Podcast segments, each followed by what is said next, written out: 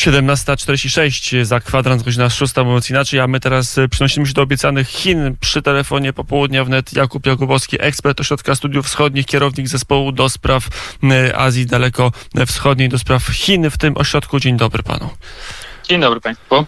Los Hongkongu przesądzony, tak głoszą nagłówki i światowych, i polskich mediów. Nie udało się i to nie ma się dziwić e, ani Wielkiej Brytanii, ani Stanom Zjednoczonym, ani światu ochronić niezależności, ochronić autonomii Hongkongu, jaki los czeka tą byłą brytyjską kolonię. Rzeczywiście po wydarzeniach ostatnich dni, czyli wdrożeniu nowego prawa do spraw bezpieczeństwa w Hongkongu, w systemie prawnym Hongkongu, w jego autonomii powstał ogromny wyłom. Pekin y, zlikwidował odrębność prawną Hongkongu, tego specjalnego e, obszaru przekazanego e, Chinom przez Wielką Brytanię.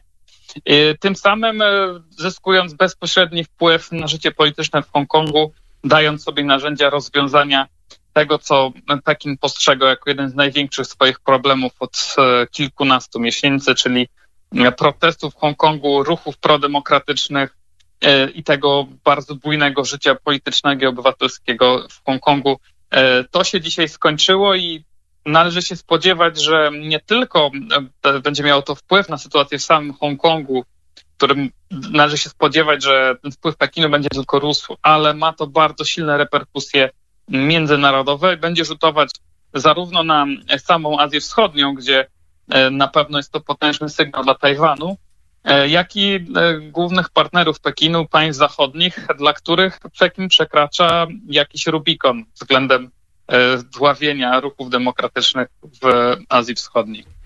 E, to jest jeden element. Kiedyś o tym rozmawialiśmy na antenie radia e, wnet. Dlaczego teraz, e, po co właściwie Chinom ta kontrola nad Hongkongiem? To jest malusieńka enklawa. Czy naprawdę tak bardzo władze w Pekinie bały się, że z tej małej enklawy może być zarzewie pożaru wolności, co wydawałoby się mało prawdopodobne w warunkach chińskich? To, jaki Hongkong był do teraz, Hongkong, gdzie było, panowały reguły państwa prawa, gdzie społeczeństwo było otwarte i wolność słowa obowiązywała, ta sytuacja coraz bardziej nie pasowała do tego, w którą stronę idą dzisiaj Chiny. Pamiętajmy, że Hongkong jest formalnie częścią Chińskiej Republiki Ludowej, posiadał swoją odrębność, ale mieli tam dostęp e, mieszkańcy Chin kontynentalnych. E, ten przepływ ludzi, przepływ idei był bardzo duży, więc e, ten wolny Hongkong coraz bardziej wadził Pekinowi.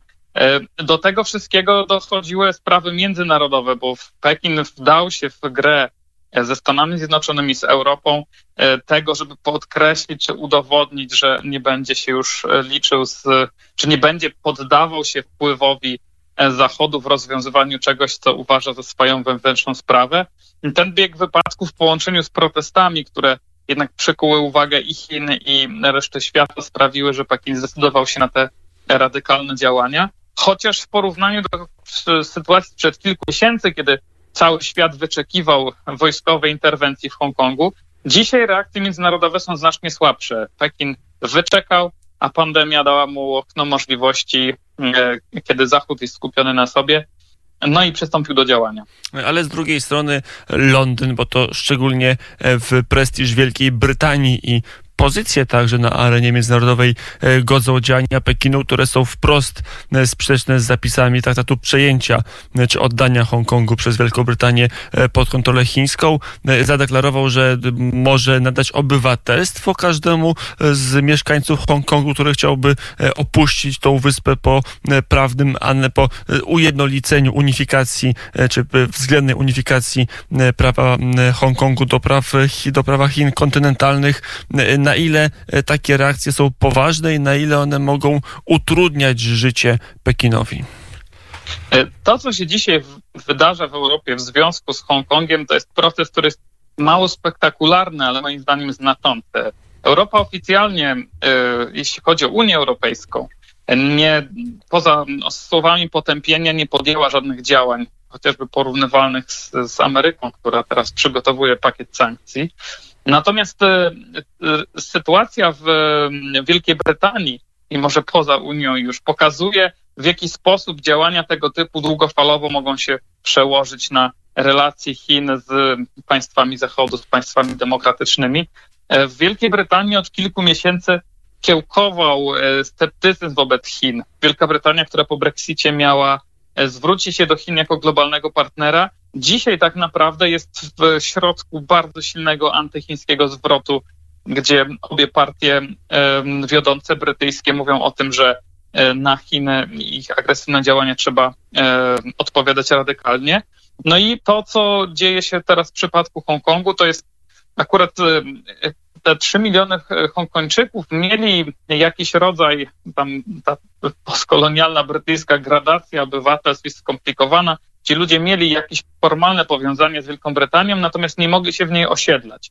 To, co Wielka Brytania teraz chce zrobić, to bezwarunkowo udostępnić wszystkim tym ludziom możliwość osiedlenia się na wyspach. No i y, gdyby masowo zaczęto z tego korzystać, to w perspektywie możemy mieć do czynienia z wpływem naprawdę e, ogromnych rzesz ludzi, często bardzo wykształconych, bogatych, całego kapitału ludzkiego, które z Hongkongu dotychczas czyniło to jedno z wiodących centrów finansowych na świecie. A tylko czy to będzie suma summarum dla e, mieszkańców Hongkongu opłacalne, bo jednak no, jest to miasto niezwykle bogate, niezwykle rozwinięte i być może się mylę, ale jak znam e, realia, to być może dla wielu Hongkończyków przeniesienie się do Londynu będzie cywilizacyjną degradacją. E, trzeba spatrzeć jednak na Hongkong jako mm, miejsce o niezwykłym rozwarstwieniu dochodowym. E, między samym szczytem, e, najbogatszymi ludźmi Hongkongu, tymi tajkunami i wielką oligarchą, a dołami społecznymi przepaść jest naprawdę ogromna i są w Hongkongu setki tysięcy ludzi, którzy w bardzo ciężkich warunkach spoczęli niewielkich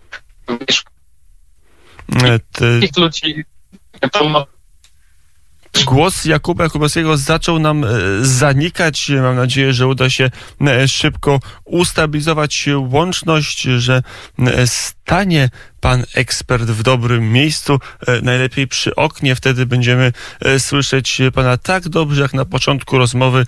Sprawdźmy, czy się słyszymy. Czy mnie słychać teraz? teraz lepiej. Na rozwarstwieniuśmy skończyli nad tym, że Hongkong wcale nie jest idyllą. Tak, i ekonomicznie wcale nie był idyllą od wielu lat i było to jedno, było to paliwo dla tych protestów, jedno z, obok oczywiście ograniczenia praw politycznych, paliwo do tych protestów. Sytuacja gospodarcza w Hongkongu wcale nie jest różowa. E, i paradoksalnie mm, to może tylko dołożyć ognia do, tych, e, do tego konfliktu, który tam panuje. E, a z drugiej strony, jakie będą, o tym trochę powiedzieliśmy, koszty polityczne dla Chin? Europa, jak rozumiem, będzie trochę bardziej antychińska, ale żadnych aktywnych wystąpień, sankcji, nie sankcji się, jak rozumiem, nie spodziewamy, ale Ameryka może odpowiedzieć mocniej. Unię Europejską te wydarzenia zostały w bardzo szczególnym momencie, kiedy ważą się trochę losy tego, jak odnosić się do Chin.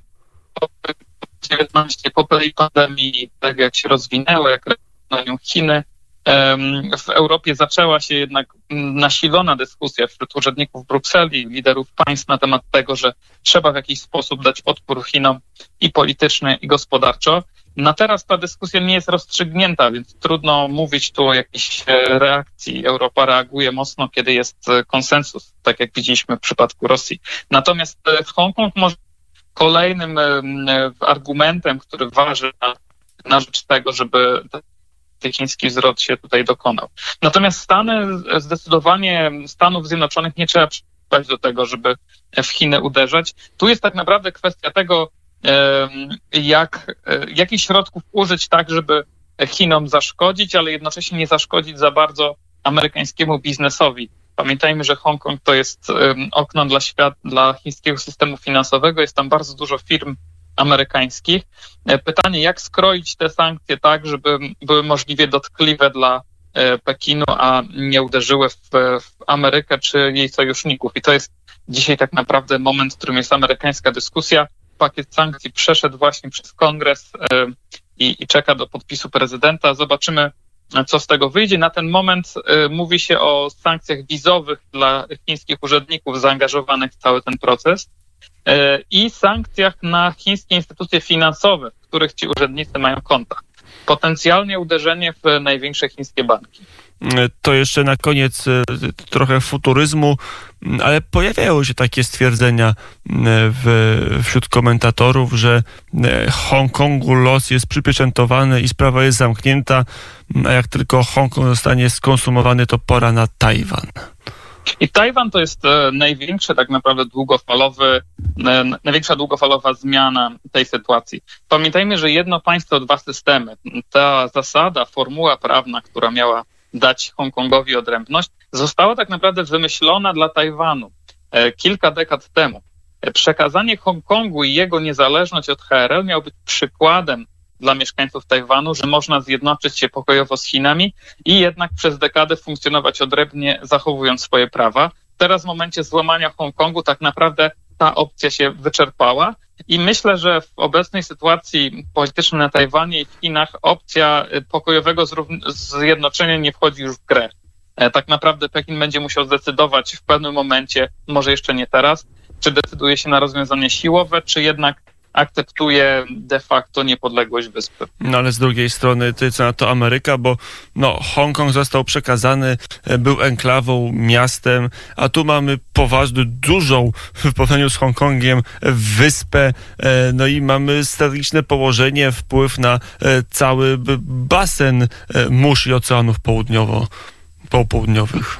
No, oprócz tych czynników strategicznych Stany biorą pod uwagę jeszcze inne, na przykład pozycję Tajwanu w produkcji zaawansowanych procesorów. To jest punkt węzłowy, kluczowy dla w zasadzie całego łańcucha dostaw elektroniki na świecie. E, I utrata Tajwanu to jest przekazanie Chińczykom technologii, których jeszcze nie mają e, i bardzo ich chcą, więc stawka jest duża na wymiarze technologicznym. No nie zapominajmy o tym, że mówimy o dwudziestokilkumilionowej demokracji, prawdziwie demokratycznym państwie, które go z, z stłamszenie, tak jak Hongkong, to byłby dla Stanów ogromny cios wizerunkowy.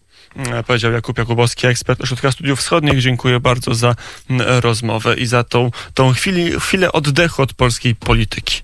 Dziękuję również. E, I do usłyszenia.